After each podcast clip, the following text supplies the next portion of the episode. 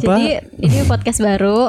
Ya ini podcast baru. Sekarang lu lagi dengerin Adi Arab dan Ayu di sini. kita mau langsung bahas sesuatu. Heeh. Eh, hari ini kita mungkin bakal ngacak-ngacak gak sih? Cuman maksudnya kita satu ada satu line yang kita tentukan sih. Iya, kita Bener bahasan besarnya. baru gitu. Iya, karena baru. Jadi kita pasti ngacak-ngacak dulu, nyari enaknya ngobrol di mana. Tapi bahasan kita hari ini bahasan besarnya adalah bullying. Iya. Itu. Oke, kita mulai dari pertanyaan Ayu pernah nggak jadi korban bullying atau jadi pelaku malah pembuli? ya? Pernah. Em, kayaknya sih kalau pelaku tuh nggak pernah ya. Ya lebih pernahnya di ini deh, di apa? Dibully deh.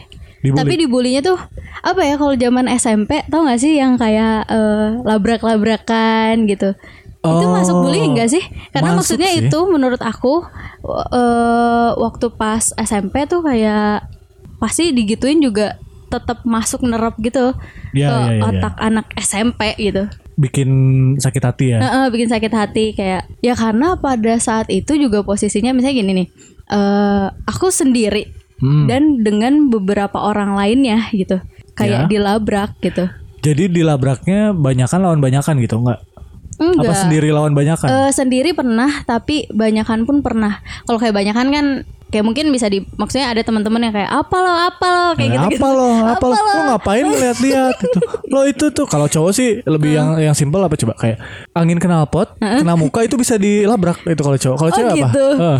Kalau kita biasanya cowok, kalau Oh, iya. dulu ya nggak sih? Lo apa? Centil-centil depan cowok kecengan kita gitu ya. Atau enggak kayak misalnya kalau waktu sekolah standar sih kayaknya ini klasik maksudnya kayak roknya pendek atau bajunya ngetat kayak lo apaan sih kecentilan banget di sekolah bla bla bla padahal dia sendiri tuh sebenarnya kayak gitu juga gitu tanpa iya. disadari ya gak sih Lo apa? Bibir merah-merah, pakai lipstick padahal habis makan cupa-cup gitu ya.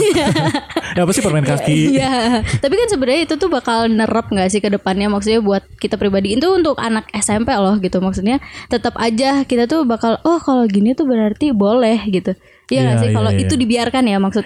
Malah jadi berbekas buat si korbannya juga. Mungkin ke depannya dia malah jadi nggak pedean jadi takutan. Gara-gara tapi untung gue digituin. enggak ya sorry ini. bagus. Itu SMP doang berarti? Eh, SMP sih kayak em, SMA enggak sih? Kayak fine fine aja. kuliah kuliah? Kuliah enggak juga kayak ya udahlah gitu jalanin hidup aja gitu. asoy. Asoy. mundurin lagi kita ke SD pernah nggak SD SD lebih nggak pernah lagi sih kayaknya SD tuh happy happy aja. Maksudnya kayak enggak sih oh ibu kayak SD-nya ada SD mahal ya? Nggak iya nggak? Di di Bandung di itu tuh di Banjarsari dekat. Banjarsari mahal sih? Oh, ma- itu mahal Bu Haji. Nggak ada palak-palakan gimana Oh, gitu kayaknya di ya? sana. Oh, gitu. tapi nggak tahu juga sih. Kalau lu gimana bang? Kalau gue sih jadi korban bullying tuh malah waktu kecil. SD kecil banget. Oh gitu. Ini pasti nggak nyangka juga sih. Jadi waktu SD itu kan tinggal di Cimbuluit. Jadi karena Eyang itu almarhum salah satu petinggi di pertambangan. Hmm. Kasarnya kayak gini nih, aku anak komplek main sama anak kampung belakang gitu lah, anak kampung sebelah. Jadi mungkin buat mereka, wah nih korban bulian empuk. Karena kan biasanya kalau anak katakanlah anak kampung tuh mereka barbar ya. eh Nah kalau misalnya anak rumahan tuh kan lebih diam, diam, ah, diam. ah, lebih cool gitu ya. Ah, ah. karena nggak dilarang main ke mana-mana, akhirnya gabung tuh sama ya teman-teman itu pembuliannya tuh mulai dari yang paling simpel kayak cuman kata-kata dibikin nangis. Iya. Yang sedikit lebih berat lagi pernah disiram air kencing. Ya, demi apa? Iya, terus dipukulin pernah. gitu ya. Kayak dibikin dibikin nggak bonyok-bonyok amat lah. Tapi itu masalahnya maksudnya kayak spesifiknya biasanya eh, kayak apa gitu masalahnya? Itu tuh SD, sorry. SD, SD, Itu. SD. Menurut mereka mungkin aku rese. Hmm, gitu. Oh, Anda udah belagu mungkin ya. apa gimana? Mungkin atau mungkin kalau eh, sepemikiran aku karena mereka merasa kita tuh di beda level. Kalau menurut aku sih sama-sama aja. ya. Mungkin mereka Iya. ngerasanya kayak anjing nih anak orang kaya nih gue siksa ah gitu kan mungkin ya. Apalagi ya? Oh pernah dilemparin kayak ibu udah pernah umroh kan ibu kalau nggak salah ya? Eh, belum. Oh belum. Itu saya seperti setan dilempar di umroh. Oh, gitu. Iya. Jadi, jadi kamu tahu ada batu yang segede-gede kayak segede biji salak. Aku tuh dilemparin gitu loh. Iya terus di ya dipukulin mah udah sering lah ya. Kalau yang fisik itu sampai berbekas banget. Sampai kemarin gue balik ke sana main. Mereka tuh kayak kalau Sundanya itu hampura eh hampura kita dulu maaf itu maaf dulu Iya, kita. Tapi mereka kamu inget berarti ya. mereka inget dan mereka merasa kalau dulu tuh keterlaluan banget memperlakukan Hmm. dan ternyata ada orang tua yang bilang bahwa dulu yang ngebully itu bukan cuma anak-anak. Jadi ada bapaknya si siapa tuh pernah kayak mukul aku gitu. Aku lupa. Ah, gitu. kok aku ya? Nggak apa-apa lah ya gue yang aku terserah. Gitu. Kalau yang verbal SMA tapi Oh gitu. bersyukur. Ini sebelum ke mana-mana Ayu ini tuh adiknya temen SMA gua. Jadi. Jadi gua tuh sama kakaknya tuh anak baik-baik yang main sama teman-teman yang bandel serius baik-baik ya. baik-baik dulunya dulu iya kenceng kenceng banget dulunya baik-baik sampai ketemu si anak-anak itu yang ngebulinya verbal Oh gitu. jadi kayak kalau misalnya kita melakukan sesuatu yang payah dibulinya habis-habisan Oh gitu. Menarik sih ini. Maksudnya hmm, SMA loh. SMA Eh, eh. Tapi itu bersyukur karena ber- bertemu sama mereka gue jadi pribadi yang gue rasa lebih kuat dari zaman dulu. Hmm. Kalau tidak merasakan dibully sama mereka, kayaknya sekarang kalau ketemu orang-orang yang ngebully, nggak tahu harus gimana. Kayaknya mungkin bisa Iya. sampai depresi gitu. Karena mungkin waktu SMA pun kita udah bisa kayak apa ya? Udah udah merasakan. Terus kayak udah bisa mikir nggak sih kayak eh, ini tuh maksudnya kalau misalnya ngedown tuh bakal bener-bener apa namanya? Kepikiran terus atau gimana gitu. Tapi untungnya bisa jadi lebih baik sih. Iya karena bertemunya di masa-masa transisi. Ya gitu kalau kalau misalnya Ayo nih jadi pelaku pembulian pernah nggak?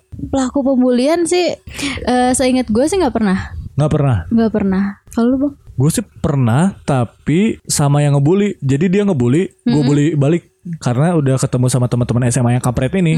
Si manusia-manusia brengsek ini tuh membentuk karakter yang kalau misalnya suatu saat gue dibully, gue bisa ngebully balik. Jadi kalau misalnya kita ada di satu situasi yang membuat kita tertekan, terus kita bisa bertahan di situ, seharusnya sih kita bisa jadi pribadi yang lebih kuat dan Iya iya. ya kayak gitu tadi. Itu sih poinnya sebenarnya. Heeh. Maksudnya yang penting kita bisa ngebuat bulian itu jadi sesuatu yang maksudnya dampaknya positif ke diri kita nggak sih? Jadi buliannya dijadiin semangat untuk Heeh, heeh. membentuk pribadi yang lebih kuat. Iya tapi sekarang tuh zaman sekarang ya kalau aku lihat yang dibully tuh mereka ngerasanya terlalu negatif gitu. Jadi mereka sendiri yang ngebuat diri mereka tuh jadi ngedown. Ngerti gak sih bang? Kalau misalnya dia dibully nih misalnya, dia tuh kayak, aduh gue dibully nih ini ini. Jadi gue pasti ngedown dong kalau dibully. Padahal harusnya itu tuh gak dijadiin hal negatif sama pikiran dia. Ngerti gak sih maksudnya? Betul betul betul. Kayak gini nih, kalau definisi bully menurut gua tuh kalau misalnya orang ngatain orang gendut atau orang kurus loh, itu bisa jadi bully bisa jadi enggak. Kalau si orang yang dikata-katainnya kayak ya emang gua gendut atau emang gua Iya, kurus, iya, iya. Itu nggak. Kalau Berarti balik misalnya- lagi tergantung pada diri kitanya kan kalau kayak gitu. Betul. Menangkapnya gitu. ber- tergantung si korban itu menangkap kata-kata yang dilontarkan oleh orang lain. orang lain. Tapi gini, sekarang kalau misalnya si pelakunya ini tuh gue tuh nggak tahu maksudnya kayak lu tuh orangnya sensitif sesensitif itu atau enggak gitu maksudnya Ya, nah gimana tuh maksudnya kayak bingung gak sih kalau gua gua tuh orangnya suka bercanda. Jadi sangat besar resiko untuk bikin sakit hati orang lain. hmm Tapi alhamdulillah mungkin ya nggak tahu. Kayaknya selama ini baik-baik aja yang gue bercandain karena gue nggak pernah bercanda sama orang yang nggak bercandanya kuli juga. iya iya iya berarti eh, kita tuh harus tahu sikon lah ya istilahnya Tahu situasi dan sikon, kondisi ya tahu sikon dan tahu lawan bicara kita tuh selevel mana bercandanya. hmm Ada yang receh, ada yang mau kita katain item lu jelek, buduk. Kuat-kuat aja ada yang dikatain item sakit hatinya sampai berminggu-minggu gitu. iya iya iya iya. Gitu. Eh, berarti kalau misalnya kayak gitu bisa jadi kalau misalnya dari dibully tuh orang bisa overthinking Iya, betul. Terus kalau gue pribadi nih ya, orangnya tuh apa ya? Kalau misalnya dikatain fisik gitu tentang fisik Hmm. kayak biasa aja, tapi, Tapi? ada juga temen gue yang kalau dikatain fisik tuh eh bener-bener langsung kayak apaan sih tuh orang kalau misalnya ngomong-ngomong dikit aja tentang fisik tuh langsung kayak apaan sih gitu. Oh, di- Kayak- dipikirin banget, Eh, dipikirin masukin hati banget. Eh, terus langsung kayak body shaming banget sih orangnya bla bla bla bla bla gitu. Makanya gue pernah mikir kayak gini, ketika seseorang itu depresi, stres, terus ngerasa dibully itu, yang salah itu dia yang terlalu sensitif, Hmm. apa orang-orang di sekitarnya yang terlalu kasar sama Nah, dia? iya, iya, iya. Iya benar. Terus ya banyak juga sih kesebar di apa tuh namanya di Twitter tuh. Bisa kita kan pemain Twitter sekarang ya. Iya, Twitter dan Quora. Twitter dan Quora. Kita cari-cari ini juga di situ ya. bahasan. BTW guys. Cari-cari bahasan di Kenapa tuh yang di Twitter? Hmm, enggak maksudnya banyak yang bilang kayak eh, dikatain dikit, dibilang sensitif, baper. Tapi kayak lo juga sebagai pelaku yang ngatainnya juga tidak berperasaan gitu. Ada ada dua hal yang berseberangan maksud aku kayak satu lo nya aja yang terlalu baper, lo nya aja yang terlalu sensitif. Tapi kan kita nggak pernah bisa tahu Hmm. gitu. Maksudnya si orang ini tuh emang sebaper itukah sesensitif itukah gitu. Apalagi hal-hal hal-hal krusial kayak fisik atau misalnya dia tentang social life-nya dia gitu. Banyak hal yang sebenarnya banyak yang harus tidak diutarakan tapi orang-orang sekarang kayak ya udahlah santai aja gak usah baperan gitu. Itu jadi pilihan sih kayaknya. Ketika kita ngerasa nggak cocok, terus lingkungan terlalu keras, kalau nggak mau bertahan ya udah cabut. Hmm. Nggak usah jadi baperan di lingkungan itu. Jadi nggak ada kata-kata dari orang lain yang kayak eh, baperan banget sih. Berarti lu nggak cocok sama lingkungan itu, tinggal cabut. Kalau misalnya lu mau ngetes mental, tetap di situ dan terima aja bulian-bulian. Siapa tahu jadi berubah jadi lebih kuat. Iya ya benar-benar benar. Kalau gue pribadi sih, kalau menanggapi hal maksudnya kayak dibully di lingkungan sendiri gitu ya, banyak apalah eh, entah pertanyaan-pertanyaan yang menurut kita itu sensitif buat kita atau apa pun. Menurut gua, gua mending nggak banyak ngobrol sama itu orang lagi gitu. Kalau kalau gue lebih ke itu sih, maksudnya kayak itu untuk membuat mental gue lebih bagus aja juga sih maksudnya lebih lebih sehat juga karena kalau eh, gini loh sekarang pikirannya kalau misalnya kita ngerasa overthinking karena misalnya ditanya soal apa pun itu yang krusial menurut kita mau fisik lo kok gendutan sih atau eh, lo sekarang ngapain aja misalnya kayak gitu itu kan hal-hal yang krusial untuk beberapa orang misalnya kayak Iya. gitu nah kalau misalnya gue kalau nggak mau ditanya itu dan menurut gue itu overthinking gue ja- bakal jarang ngobrol sama dia sih Biar nggak ada pertanyaan itu sekalian gitu. heeh, gitu. Iya, Tapi iya. itu termasuk kabur dari eh, realita nggak sih? kembali ke yang tadi itu adalah pilihan kalau misalnya lu pengen ngadepin itu dan ngerasa eh udahlah ntar juga bisa kuat. Karena kan kalau misalnya kita dapat pertanyaan yang terus menerus ntar lama-lama dari yang tadinya sakit hati lama-lama jadi biasa aja gitu.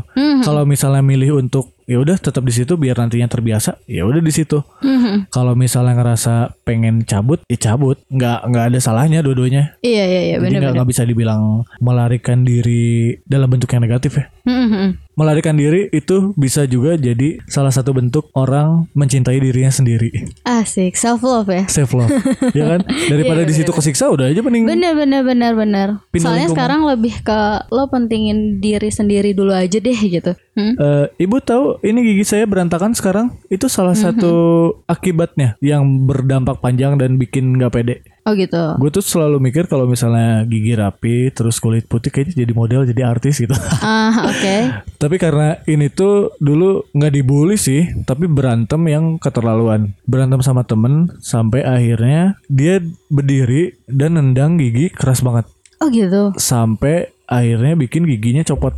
Salahnya lagi ketika udah tumbuh gede tuh nggak dirapihin. Orang tua mungkin nggak nggak mikirin bahwa itu penting ya. Mhm. Dibiarin sampai akhirnya jadi berantakan sekarang itu bikin salah satu yang nggak pede sih Iya iya iya. sampai sekarang makanya kalau ibu lihat foto Instagram saya nggak ada yang senyum bu Oh gitu. Iya karena ini saya ngerasa ini bukan gengsul tapi udah unsure. Hmm, tapi berarti ada aja kan yang mencoba untuk nembak itu kalau ngobrol sama abang kalau atau apa gitu. Kan Oh, nggak jadi- pede berarti ada hal yang menurut abang ini kayaknya eh, apa ya? Itu nggak pede itu karena ada suatu hal yang dilontarkan atau apa gitu. Eh iya betul betul. Ih baru kepikiran. Iya pada akhirnya jadi nggak pede itu karena dulu ada yang ngata-ngatain gigi waktu SMP itu waktu SMP. Jadi lagi entah lagi bercanda apa terus mungkin karena kan kalau misalnya orang abis bahan untuk ngobrol atau berantem kadang-kadang suka nyerang fisik ya. Iya iya iya. Dia nyerang gigi di posisi yang selama ini tuh nggak pernah ada orang yang nyerang gigi. Oh gitu. Jadi dia nyerang, oh untung mana goreng gitu gigi lo jelek. Akhirnya jadi nggak pede. Hmm. Yang tadinya foto kalau ngeliat foto-foto SMP tuh masih berani senyum di foto. Itu kalau sekarang udah Iya berarti kan ya itu dia. Berarti alasannya nggak hanya tentang apa ya istilahnya beauty standardnya gitu loh. Hmm. Kan kalau misalnya itu masuk beauty standard ya mau cewek apa cowok menurut aku. Maksudnya kayak berarti eh, kan dulu ngeliatnya kayak ya ini kalau yang giginya bagus atau apa tuh model apa dan lain-lain gitu. Iya. kayak pasti berarti ada faktor lainnya selain itu. Sampai bener-bener nggak pede kan? Iya, yang yang bikin jadi gak pedenya karena kata-kata orang. Sebenarnya kalau misalnya kita hitam, terus gigi nggak rapi atau ada kekurangan fisik yang lain, pede-pede aja sebelum ada orang yang ngebully. Itu tuh dampak dari bully tuh. Gue ketemu sama ininya sih, yang yang nendang. oh iya Iya. tapi itu gimana gimana seru nih responnya Nggak pengen nyapa. Oh, gitu. Dia dia pun nggak nyapa. Kalau dia nyapa ya gue sapa, sapa balik lah karena Iya, yang lain pun kan kayak minta maaf gitu. ini apa kayak reuni gitu lagi ada acara 17-an Hmm. terus gue iseng ke rumah di Cibulit itu datang terus ketemu teman-teman banyak terus Hmm. mereka ngebahas tentang masa lalu yang ngebully aku bla bla bla terus Oh, gitu. mereka minta maaf terus eh datang si kampret tapi dia nggak gabung sama anak-anak oh gitu gitu Kalau aku sih gak ada yang sespesifik itu ya kayaknya. Maksudnya kok berasa hidup gua aman-aman aja ya. oh gini deh gini deh gini deh kalau kalau hidupnya tidak terlalu banyak pembulian ada nggak temen yang dibully terus curhat sampai kayak gimana gitu Dibully. Enggak sih paling kayak apa ya? Kalau zaman sekarang sih kalau dulu kayaknya balik lagi nih SMP karena sampai sekarang gue masih ada temen yang beberapa tuh masih klop banget. Sampai sampai hari ini teman SMP bener-bener sobat banget dari SMP tapi ada eh, temen aku yang ngerasa kayak dia insecure aja sama fisiknya. Tapi itu eh kayaknya belum sampai tahap bully. Eh, dan gue pun belum sampai tahap di mana gue nanya gitu. Maksudnya kayak lo kenapa bisa sampai nggak sepeda itu? gitu. Dia cuman cerita secara garis besar ya bahwa dia inse- insecure sama badan dia yang menurut dia eh, itu susah ngelamar kerja juga dan lain-lain menurut dia sih seperti itu udah sampai tahap itu tapi gue nggak nyampe tanya detailnya sih Gue rasa sih ada dua faktor yang memungkinkan orang jadi nggak pede sama apa- apa pun di badannya. Hmm. Karena dia pernah dibully Mm-mm. atau dia tuh nggak dibully, tapi teman-temannya ngebully orang lain yang fisiknya begitu. Kayak misalnya teman-temannya ngebully orang lain yang kakinya kecil. Hmm. Dia nggak denger, dia ngerasa bahwa kakinya kecil. Hmm. Dia nggak dibully, cuman karena dia nggak dengar teman-teman yang ngebully orang, lama-lama dia mikir bahwa oh kaki kecil tuh nggak Iya, iya, bagus iya, ya, iya. jadi nggak pede sendiri gitu. Iya bener Mungkin dia jadi mikir kayak Oh berarti kalau kayak gini tuh jelek gitu. Iya gak sih? Karena dia ngelihat teman-temannya ngomongin itu. Kan kita eh, negeri 62 ini seneng banget ngomongin orang ya. Iya julid Ih, gitu ya Iya, Julitawati. Iya udah dari dulu ya nggak nggak sekarang doang fenomena eh, julid itu gitu Mm-mm, kayaknya dari Cuman zaman- baru ada istilahnya aja kayaknya Betul. Karena kan negara kita tuh kurang banget kosakatanya. Ini Edukasi dalam berbicara ya edukasi dalam berbicara dan kosakata kalau misalnya di bahasa Inggris ada kata apa gitu di kita artinya bisa satu kata gimana sih? Eh satu kata banyak makna Iya ah, iya iya benar apa sih kita jadi bahas kata-kata? iya. Iya, gitu. apalagi nih? Ini menurut Ayu nih, kira-kira kenapa sih ada orang yang bisa jadi pelaku pembulian? Ah menarik Kalau misalnya Kenapa sampai ada pelaku pembulian Hmm. Menurut gue itu bisa jadi faktor lingkungan. Bisa banyak faktor, tapi biasanya sih faktor lingkungan. Karena banyak juga kalau ngelihat dari dulu gue waktu SMP atau SMA gitu. Biasanya kalau yang ngebully itu karena misalnya nih ya, satu geng tuh mereka kayak eh si itu eh, gak banget ya misalnya kayak gitu.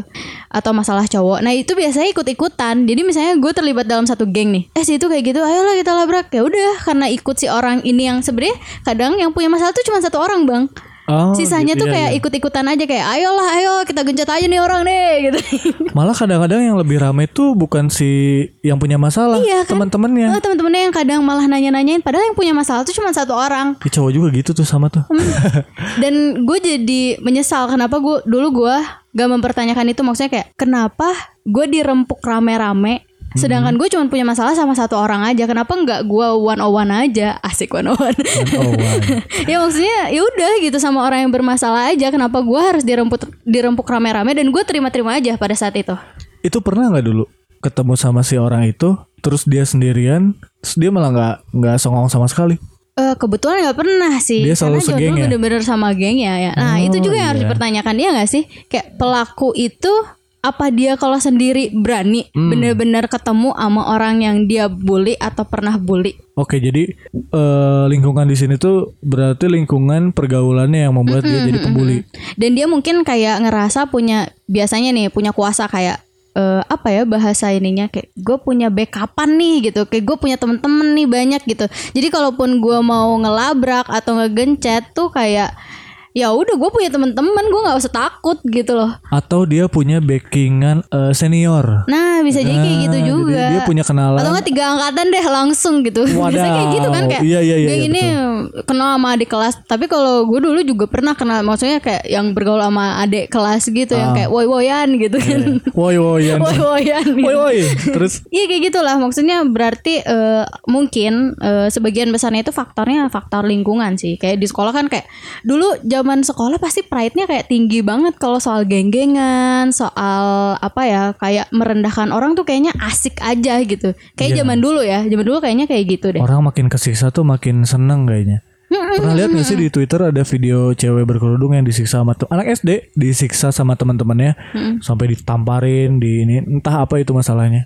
Ah, ya ya itu itu dia maksudnya. Terus eh, menurut gua juga sebagai korban yang dibully tuh nggak bisa disalahin kalau dia nggak bisa ngapa-ngapain. Maksudnya kayak sekarang kita bisa bilang nih kayak lo kenapa nggak ngelawan sih?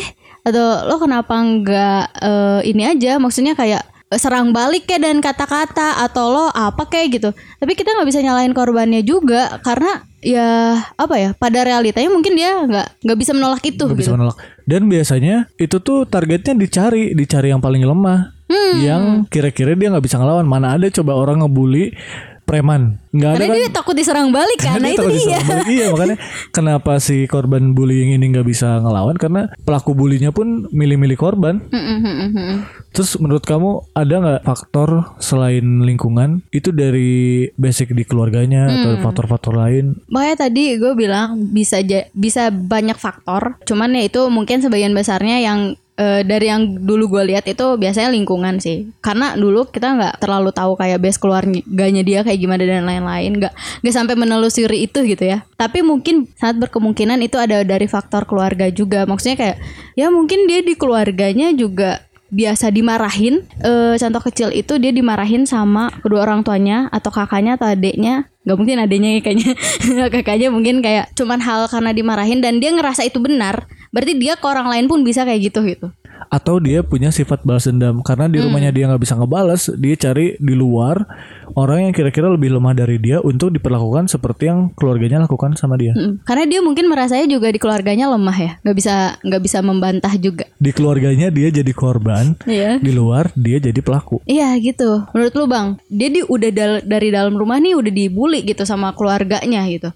Bukan cuma orang tuanya loh misalnya sama saudaranya sendiri pun dia dibully gitu. Kalau kita udah ada di keluarga yang seperti itu ya keluarga tuh kan tempat pertama kita untuk belajar segala sesuatu di hidup ini. Kalau dia sudah membuat anaknya menjadi seorang pembuli dengan cara marah-marahin, dengan cara ngebully secara tidak sadar di rumahnya, itu akan susah dirubah sih. Jadi buat yang pada pengen nikah, selain temukanlah pasangan yang cocok, yang satu pemikiran, cari juga yang lembut-lembut karena Tidak yang gampang emosional ya. ah betul, Bisa karena kontrol sih, lebih bisa kontrol emosional sih. Iya, itu lebih ke kematangan emosinya ya. Ya. Karena bukan cuma lu aja yang jadi korban, tapi anak lu nanti bakal jadi korban juga. Sebenarnya kan eh, apa ya? eh ya namanya orang tua harus tegas ke anaknya sih. Tapi bukan berarti lo harus marah gitu. Eh, mungkin alternatifnya bisa diganti dengan kata-kata yang lebih tegas aja dengan hal-hal yang lebih mengedukasi dia aja sih kalau misalnya marah akan suatu hal gitu. Misalnya ada barang yang eh, apa ya dia beli tapi nggak izin sama orang tuanya misalnya Ah. kayak gitu. Itu contohnya ya maksudnya jangan langsung dimarahin kayak Mami gak suka ya kamu beli-beli barang. Itu. ya kayak kamu tuh ngabis ngabisin duit tau nggak? Bla bla bla bla gitu. Tapi kasih tahu dengan yang lebih baik kayak deh kamu lebih baik kayaknya nabung deh gitu Ya, maksudnya. barang itu nggak belum kamu Mm, belum butuhin kamu deh. butuhkan gitu. Tapi coba deh kalau kamu nabung kamu punya uang banyak kamu bisa beli yang lainnya lagi Yang nggak cuma satu barang itu itu levelnya gitu. iya Atau versi yang anak kecil nih temen gue kemarin cerita dia nggak pernah marahin anaknya karena dia udah baca tentang parenting yang bla bla gitu. Anaknya masih kecil masih sekian bulan. Jadi ketika anaknya gigit-gigit barang, kalau diteriakin kayak "Eh, itu jangan dimakan banget, Mhm. itu makin panik. Iya iya. Iya kan? Jadi caranya dia adalah eh, misalnya nama anaknya tuh Udin ya. Udin, boleh nggak itu HP-nya papa minta? Jangan Iya. digigit-gigit ya. Yang digigit itu ini kasih biskuit Iya, gitu. ada penggantinya. Maksudnya diberikan yang emang se- yang sebenarnya gitu. Yang yang ah, yang sebenarnya. Diedukasikan lah pokoknya gitu. Hmm, jadi jangan bilang jangan, tapi lebih ke boleh nggak itu barangnya Hmm. diminta gitu kayak kamu jangan pacaran sama itu jangan gitu aja. Boleh nggak pacarnya papa minta gitu. Eh, Gimana sih? Jadi gimana itu maksudnya? Iya, ya gitu lah kurang lebih. Iya kurang lebih kayak gitu. Maksudnya ya kita sebagai orang tua tuh eh, tegas, tapi bukan juga yang emang benar-benar apa ya mengalah dari anaknya. Ngerti gak sih?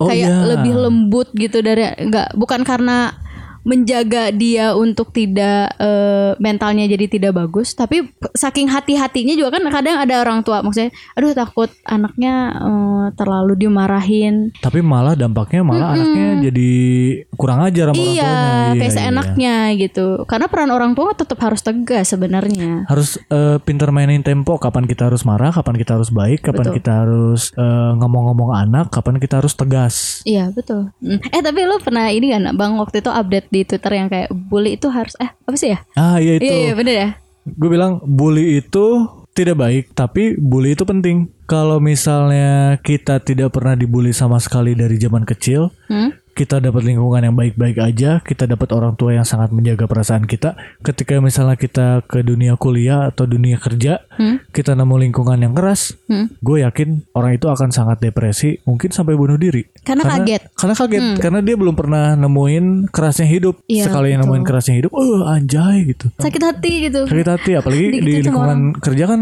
bukan hanya eh, apa atasan yang nyebelin tapi kadang-kadang temen Teman, iya, temen iya, kantor bener, kita pun nyikut kita Iya. suka nggak mikir-mikir gitu. Jadi bully itu tidak baik tapi bully itu penting. Jadi kita harus ngerasain dibully lah sekali-kali. Karena hidup ya nggak bisa tenang-tenang aja sih sebenarnya hidup tuh. Harus ada tekanan. Gue pernah dengar dari seseorang kalau pressure itu is a good experience atau apa ya kayak bagus untuk pelajaran hidup kita gitu. Iya iya iya. kayak mau itu pressure yang berlebih atau pressure apa pun Kalau misalnya kita suatu saat menghadapi masalah yang seperti itu atau levelnya tidak jauh sama itu, kita udah merasa biasa. Iya. Di saat orang lain ngerasa, gitu. Heeh, kar- di saat orang lain ngerasa, anjir keras banget sih ini hidup. Si orang itu bisa bilang masih cetek lah, gue pernah ngerasain yang lebih parah gitu. Hmm. iya iya, betul betul betul Iya. buat orang-orang di luar sana Iya. yang merasa sedang terbuli atau sedang membuli apa nih eh apa ya kayak advice-nya atau Gue lebih ke si pembuli.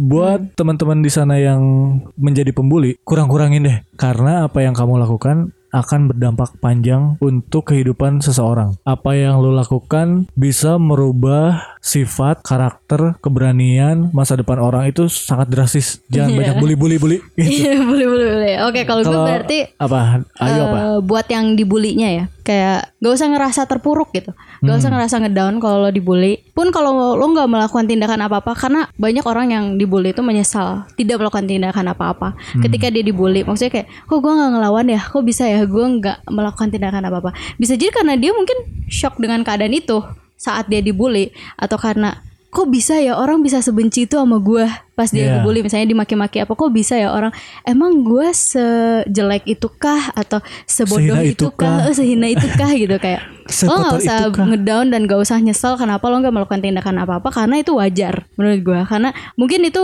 hal pertama dan hal yang apa ya udah terbiasa juga terjadi kalau biasa terjadi juga kan kayak ya udahlah gue pasrah aja gitu. Diginin udah udah dari kemarin juga kayak gini terus gitu sama orang yang sama apalagi gitu. Lo apa ya lebih bisa bangkit lagi aja sih. Jangan jangan terlalu overthinking sama apa yang orang-orang katain kalau dan lain-lainnya gitu tindakan apa pun. Kayak lo nggak nggak sendiri kok gitu. Iya, lebih cuek aja lah, telan aja. heeh. tapi gue tahu itu susah banget sih. Itu pasti susah banget. Coba sekali-kali ketika ada orang yang ngebully kita, Hmm. apalagi teman dekat, bully balik. tapi itu ambil tetap ambil santai ya bukan yang bener-bener lo sakit hati dan bener-bener ngebully baliknya gila gitu Ah iya Iya kan? betul, tetap Betul. santai. Kan ada yang ngebully baliknya. ambil itu bercandaan aja gitu. bercandaan aja. Jadiin latihan buat kalau misalnya dibully balik, eh dibully kita bisa slow atau bisa ngebully balik gitu. Hmm, hmm, hmm, hmm. Ini buat episode pertama, Pertama. kayaknya panjang banget. Banget. Apa karena kita banyak Tapi karena emang kita terlalu ngebacot juga kali ya Oke, di mungkin. podcast yang pertama. Siap deh, sampai ketemu di podcast berikutnya. Oke. Arab pamit. Ayu pamit. Bye. Bye.